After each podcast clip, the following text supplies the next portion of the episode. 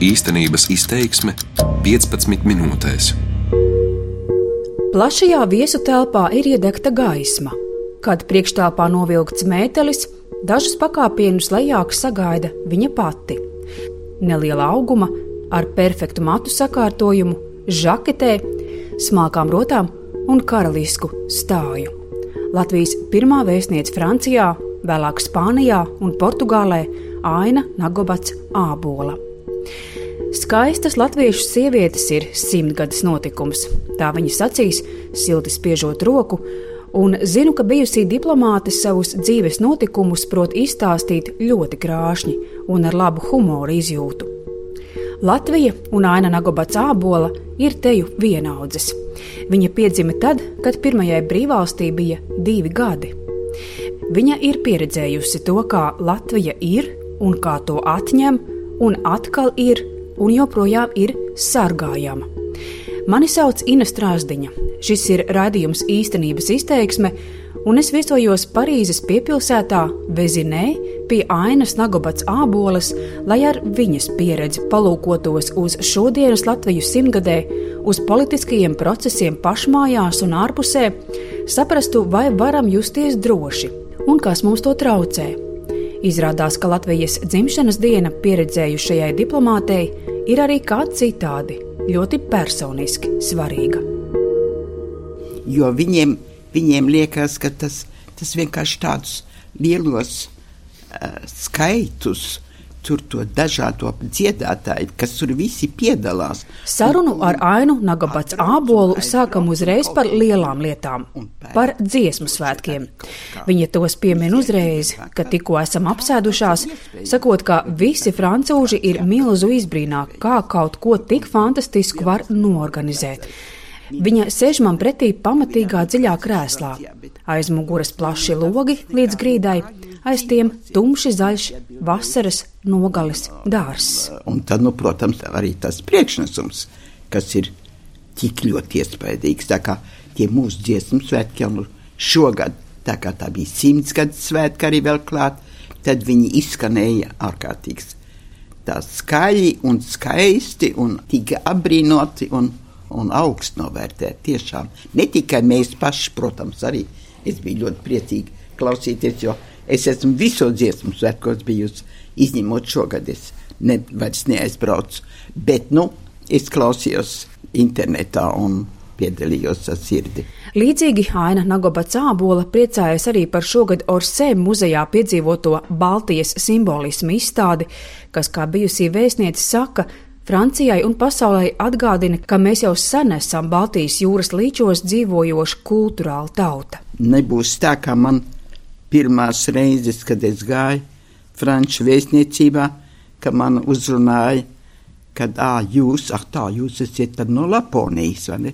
Jo viņi pat nezināja, pat nezināja ārlietu ministrijā cilvēks, kad ir Letonija, e Laponija, ka tās ir divas dažādas lietas, vai ne? Tā kā jūs ziniet, kādu ceļu mēs esam nostaigājuši, ka tagad mūsu slavē, tagad par mums runā, tagad mēs esam viena kultūrēla un ļoti izdarīga Ziemeļa Eiropas zeme. Tas, tas tomēr tik ļoti pacilājoši.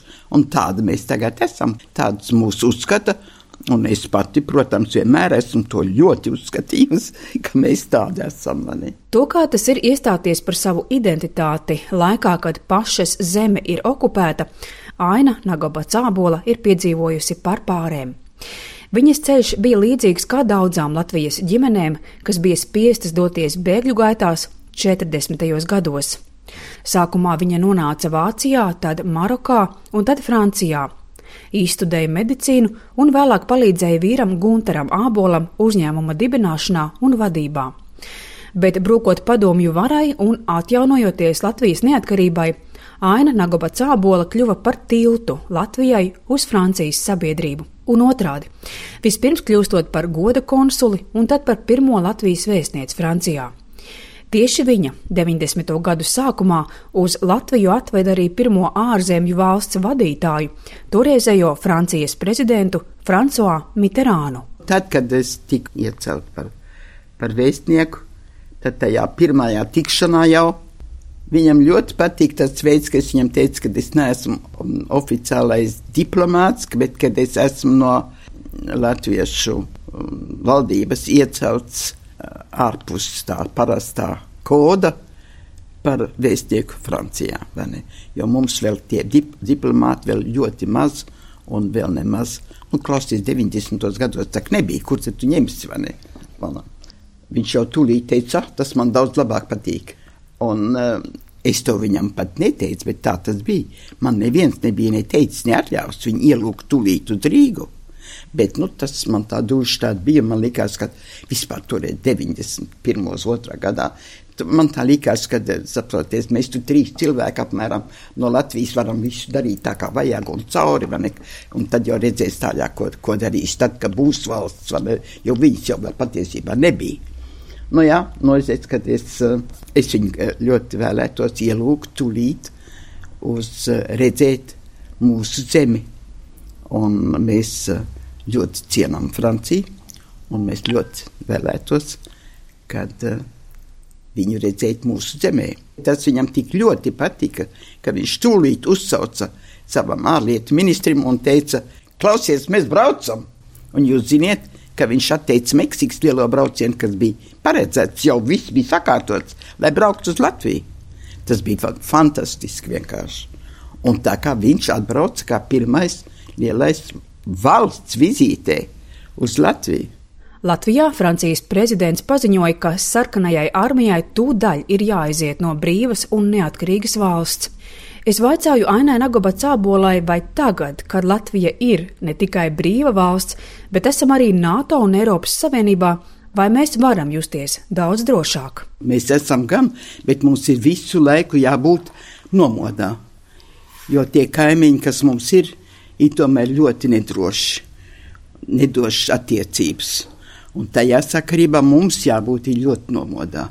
Un vienmēr jāzina, kādā veidā mēs savu politiku kārtojam, kādā veidā mēs ar savas ekonomiskās un politiskās un, un, un valstu attiecības kārtojam, un, um, un, un, un pašiem jāmēģina būt spēcīgiem un stipriem. Nu, tas ir tāds, mēs esam vienā uh, situācijā, kas ir pozitīva, jo mūs novērtē ārpus Latvijas kā vienu pozitīvu valsti, vai tas būtu Eiropas Savienībā, kur mēs esam viena no tādām paraugu valstīm gandrīz ar, savām, ar saviem uh, ekonomiskiem pasākumiem un, un kādā veidā mēs esam mācījuši savu uh, dzīvi vadīt pēc tik grūtiem laikiem tomēr. Bet um, mūsu zonā miers ir trausls. Un to vajag, par to vajag būt tādā nomodā. Sarunā pievēršamies gaidāmajām vēlēšanām Latvijā. Vēlēšanas kā tādas ir svarīgs un sarežģīts laiks ikvienā valstī, arī Francijā. Vaicāju abolis kundzei, kā viņa redz mūsu politisko briedumu. Mūsu politiskā dzīve ir ļoti tāda tramīga un nezinoša. Jo pēc manuprāt, tas galvenais ir tas, ka mēs vēl absolūti neesam izauguši par vienu tādu politiski, ekonomiski domājošo valsti. Mūsu politiķi ir tiešām ļoti vāji politiķi. Un valsts vīru mums ir pavisam maz. Jo es uzskatu lielu starpību starp politiķi un valsts vīru. Nu, mums daži ir, bet es zinu, ka man vienreiz uh, viens no lielajiem franču ministriem prasīja tieši par šo temātu runādam, vai jums ir pieci valsts vīri? Es teicu, pagaidi. Es teicu, nu, piecus es varbūt varu izspiest. Viņš saka, tad, tad jūs esat brīnišķīga valsts. Vairāk nemaz nav vajadzīgs. Ja tikai vismaz pieci īsti domājoši un tādi cilvēki ir. Bet nu, man kādreiz tā liekas, nu, nezinu, vai ir tie pieci. Kam ir jābūt tām īpašībām, kas raksturo īstu, patiesu valsts vīru? Nu, valsts vīrs ir viena, viena personība, kurai ir savi principi un kurai ir sava ticība, kurš ir viens goda cilvēks un kam ir viena vīzija un kam ir viena doma uz priekšdienām, ne tikai par šodienu domāt, vai ne, kam ir tiešām tas atvēriens uz pasauli un uz mūsu daļu, kas mēs tādi esam tajā visumā, ar tādu plašāku vērienu un ar vienu pārliecību un, un vienu, nu, protams, Latvijā tam jābūt vienam, kas mīlē savu zemi un kas tiešām par savu zemi grib cīnīties un darīt visu, ko, bet kam arī ir tās dotības, to varēt darīt. Jo, zini, tādi, kas labi domā, un tādu cilvēki daudz, bet lai to, to pārveidotu par vienu esamību, tā jau tāda personība, kurai vajag diezgan daudz dažādu īpašību kopsumu. Tas ir diezgan grūti, un tam cilvēkam arī grūti, bet viņš ir arī, arī tāds, kas uzņemās, tam tas valsts uzņemās to grūtību. Viņš apzinās to grūtību. Jo tie politiķi, kas tikai tā atnāk uz, uz sēmu un pavēlē un parunājās, un pēc tam iedzer vienu glāzi alus ar, ar draugiem, no tiem tur nav daudz labuma. Bet, ja nu viens viņiem, viens īstais valsts viesis nostājās priekšā un kas varbūt arī no sevis izdvesmo kaut ko, kad arī tiem tad liekas, ka ir vērts varbūt drusku vairāk padomāt un piespiesties kaut ko darīt. Ļoti vajag rūpēties par jaunatni, par skolām, par universitātēm. Aina Nagobats Ābola saka, domājot par to, kā Latvijai attīstīties. Viņa min iespēju studēt ārzemēs, redzēt pasauli, pārvest mājās zināšanas, palīdzēt tiem, kuriem ir talants, bet nav rocības, 50 okupācijas gadi ir ilgs laiks. Divas, trīs paudzes mēs bijām stipri ieslēgti, viņa secina. Es skatos tomēr pozitīvi uz visu. Mēs esam darbīgi cilvēki. Latvija nav sliņķi. Tas ir tas, ko Mīrovics, kad viņam bija prasījuši, lielais Mīrovics, vecais ministrs, ne, ka viņam bija prasījuši Francijā, bet jums nav ne naftas, nekā, no kā jūs dzīvosiet? Viņš bija atbildējis: Mēs strādāsim, un mēs strādājam. Un mēs toreiz strādājām drusku vairāk kā tagad, bet mēs arī joprojām mākam strādāt un mākam lietas darīt. Un esam daudz ko iemācījušies, jau kur mēs pat sākam pārspēt citas valstis. Tā kā, nu, zini, mēs varam būt diezgan lepni uz savu zemi.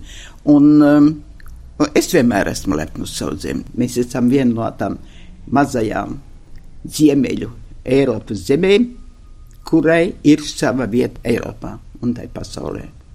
Noteikti. Aina Nagobats Ābola teica, ka viņas mīļākie Latvijas svētki ir 4. mājas, Latvijas Republikas neatkarības deklarācijas pasludināšanas gada diena, bet 18. novembris, kas šogad būs arī Latvijas simtā dzimšanas diena, ir divkārt īpašs. Un man, protams, manā ģimenē bija 18. novembris, jo man, mana kārsdiena. Ja es biju precējusies, un nu, tagad vīrs ir, nu, būs divi gadi, ka viņš miris, bet līdz tam laikam mēs, mēs tomēr kaut kāds pār pa 60 gadiem nodzīvojam laulībā. Nu, un tā. Un mans vecākais brālis Amerikā ir dzimis 18. novembrī.